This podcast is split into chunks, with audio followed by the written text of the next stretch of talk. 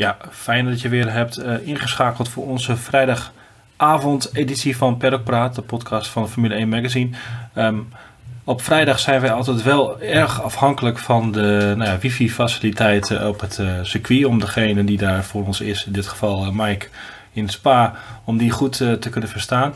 Nu is het wifi op het circuit daar niet al te best, of in ieder geval niet goed genoeg voor een fijne audioverbinding.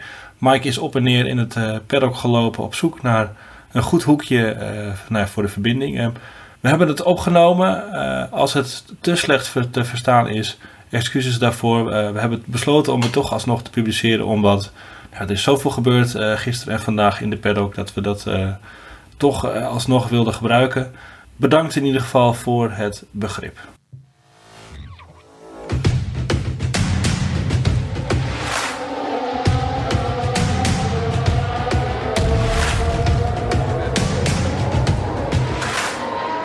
Presenteert Paddock Praat. Hallo en eh, welkom bij Paddock Praat, de podcast van Formule 1 Magazine. Het is vrijdagavond en, zoals altijd is het dan tijd om even over te schakelen naar onze uh, collega ter plekke.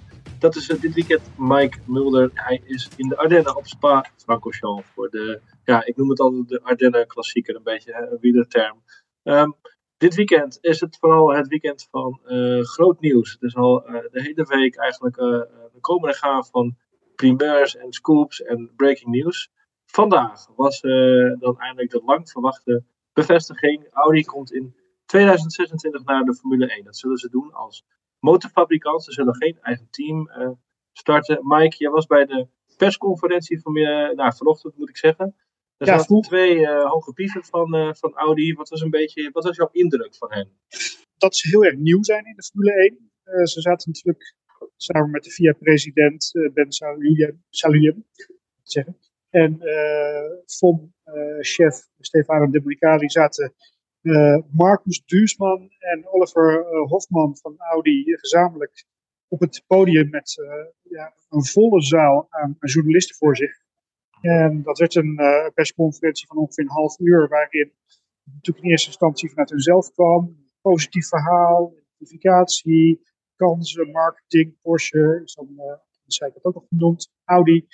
We gaan uh, vol voor het avontuur. Mhm. ja, en dan komen natuurlijk de lastige vragen van, van de journalisten uh, over hoe het dan in zijn werk moet gaan. een hele mooie rechtstreekse vraag van een Zwitserse collega die meteen vroeg van oké, jullie gaan alleen maar motoren produceren. Motoren, ja, die, die rijden geen Formule 1.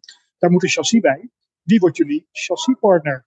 En daar lachte de, eigenlijk de hele, toen barstte de hele zaal in, in lachen uit eigenlijk. En, en, zag je ook bij de heren van Audi een beetje twijfel toeslaan van, oh, dit is de zaal.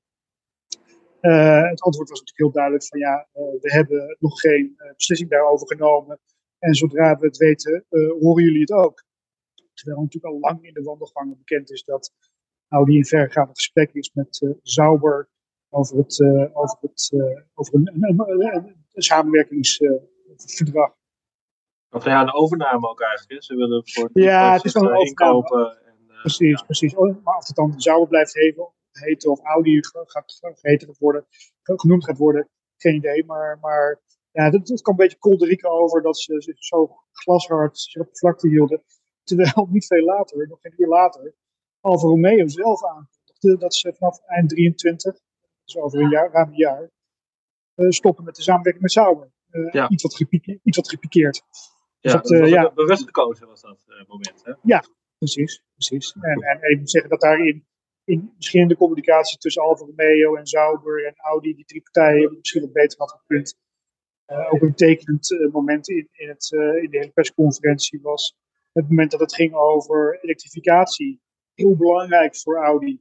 Het wil in de toekomst alleen nog maar elektronisch aangedreven auto's produceren. Ja. Straatauto's. Dus de reden waarom ze de Formule 1 in zijn gegaan. Waarom ze nu met een elektrische Dakar-project bezig zijn.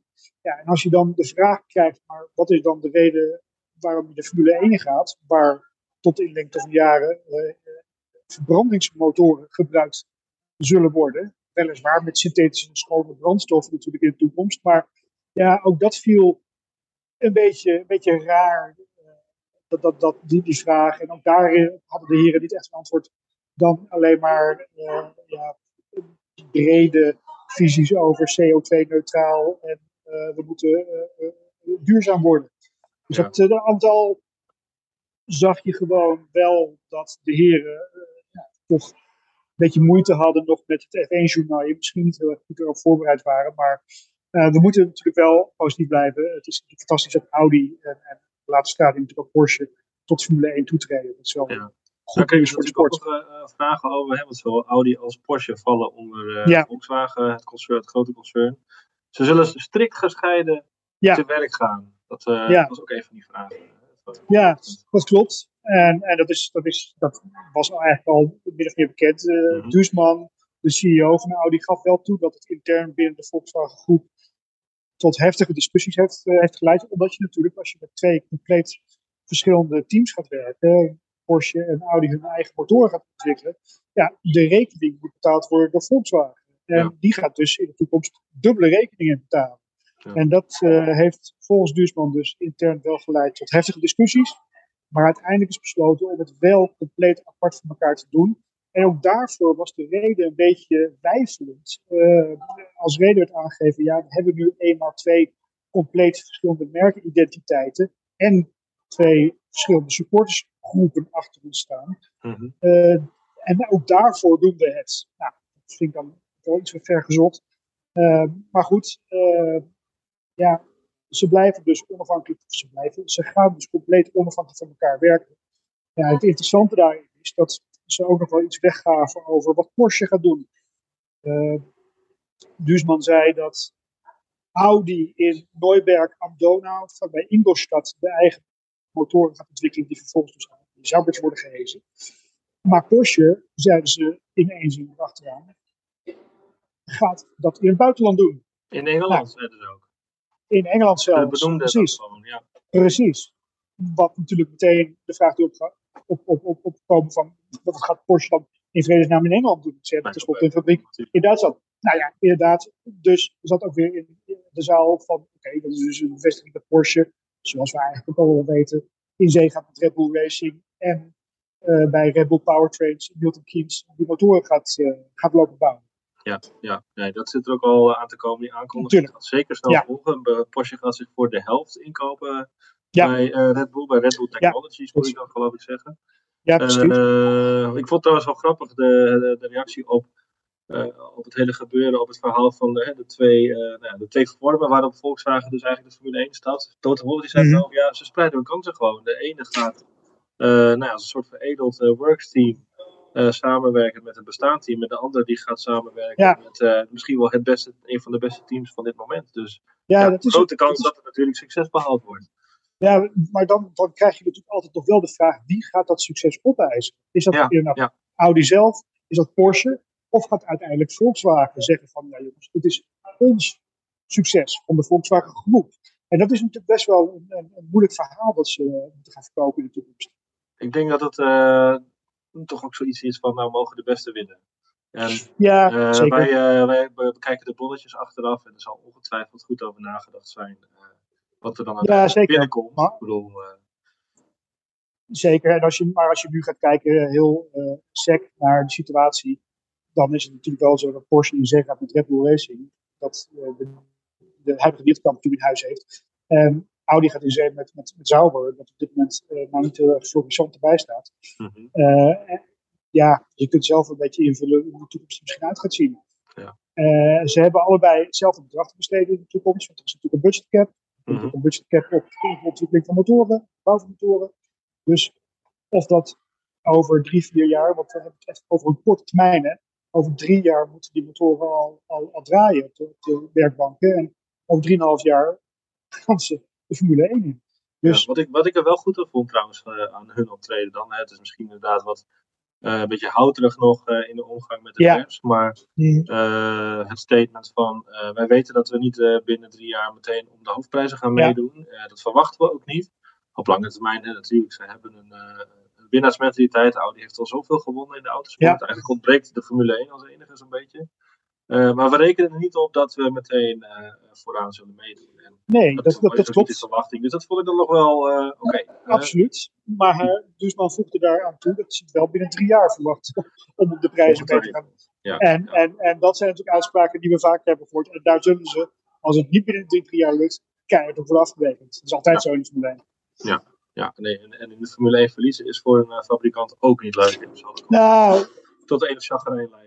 Dat, dat moet je altijd bij dit soort entrees van, van autofabrikanten in de Formule 1 moet je altijd in je achterhoofd houden dat er ook weer een dag komt dat het marketingtechnisch niet verantwoordbaar is en dat ze weg zullen gaan. En als je kijkt naar Ferrari of de privéteams als McLaren, Williams, dat zijn natuurlijk teams, hun, hun USP, hun, hun, hun vorm, de reden, raison d'être, we zijn in, in Wallonië, hun bestaansrecht ontleent zich aan, aan die Formule 1. Ja. En dat is natuurlijk voor een merk als Mercedes, maar ook Renault. We hebben het vaker gezien bij Renault, in, uit, in, uit.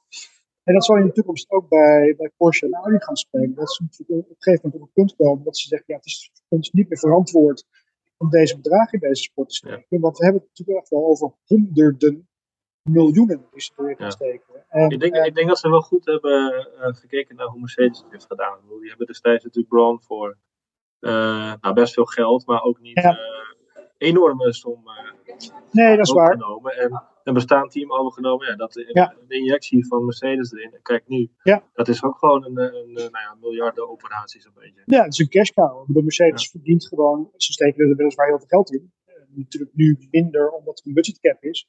Maar in de afgelopen jaren, toen er nog geen budgetcap was, spendeerde Mercedes honderden miljoenen aan dat team per jaar. En dat werd gewoon lachend terugverdiend elk jaar. Eh, door prijzengeld, door sponsoren die gif betaalden om bij de kampioensploeg te zitten. Ja. Door eh, tv-inkomsten, nou, noem het allemaal op. Het, de ver- verkoop van petjes, shirtjes en dergelijke. Ja. Dus er zit een verdienmodel aan, zeker met zo'n budgetcap, zit er een verdienmodel aan aan de Formule 1. Alleen het is natuurlijk niet iedereen gegeven om dat eh, ook, ook te, te hebben.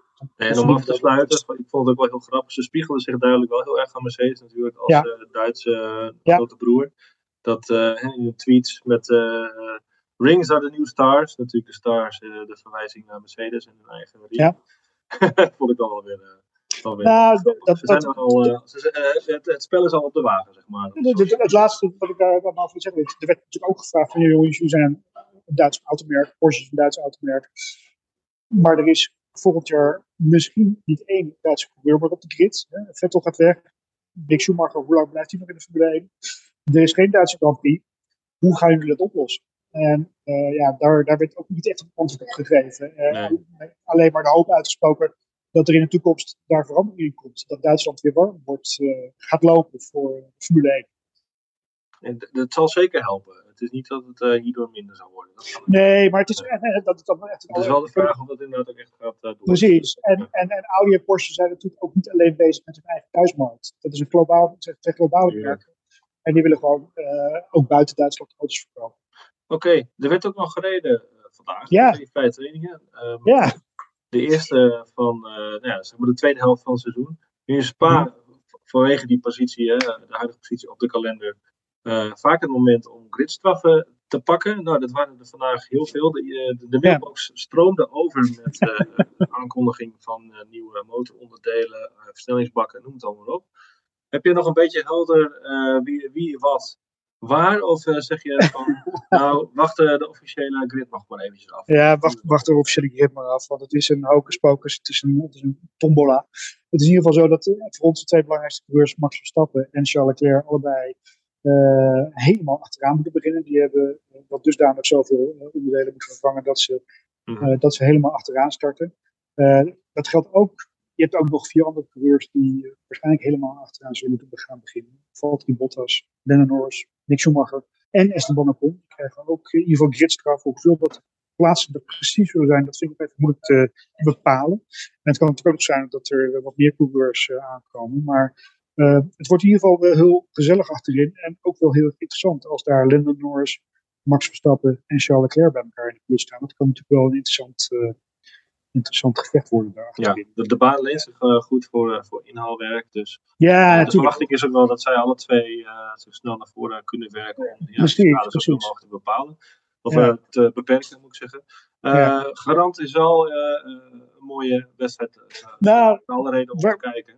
Zeker, waar, waar ik wel heel benieuwd naar ben, en dat hebben we even nog niet genoemd, maar Mercedes heeft alle acht auto's met Mercedes, motoren uitgerust met nieuwe motoren. Dat betekent dus de enige die daar een straf bij krijgt is Lennon Norris van McLaren Mercedes. Uit Ja. toekomstige McLaren. Maar ik denk toch ook dat Mercedes iets heeft gevonden misschien. Ik weet niet of die misschien ook hè, hun, hun, hun- ik ben heel benieuwd wat zij gaan doen dit weekend. Eh, Of zij een beetje het tempo van, van Ferrari en Red Bull kunnen gaan volgen. Oké, nou dat, eh, we gaan morgen zien hoe de kwalificatie zal verlopen. Dat betekent dus dat Verstappen volgens mij eh, nog wel een 14e plek zou kunnen scoren in de, in de kwalificatie. Dat zeg je Ja, voor zover, ja, voor zover nu kunnen zien wel. Ja, Ja. oké. Nou, dat is, eh, dat is morgen. Dan sluiten we daarmee af. En nog even een, gerucht op, het, op, de, op de drempel. Het gaat natuurlijk ook veel over de toekomst van de Grand Prix van België. Die Ja. staat op de tocht, zeg je dan. Ehm Dominicali was eh, vanochtend tijdens die persconferentie van, van Audi.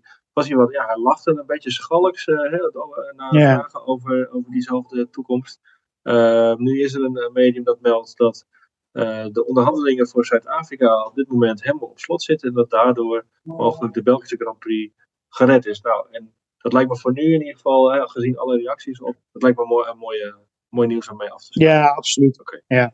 We gaan het toch allemaal zien wat er verder dit weekend gaat gebeuren. Voor nu, eh, bedankt Mike. Bonsoir, zeg je dan. De luisteraar, bedankt voor het luisteren. En hou in de tussentijd onze site in de gaten, formule1.nl, eh, voor het laatste nieuws. Wij melden ons maandag weer met een eh, nieuwe aflevering vanuit Amsterdam.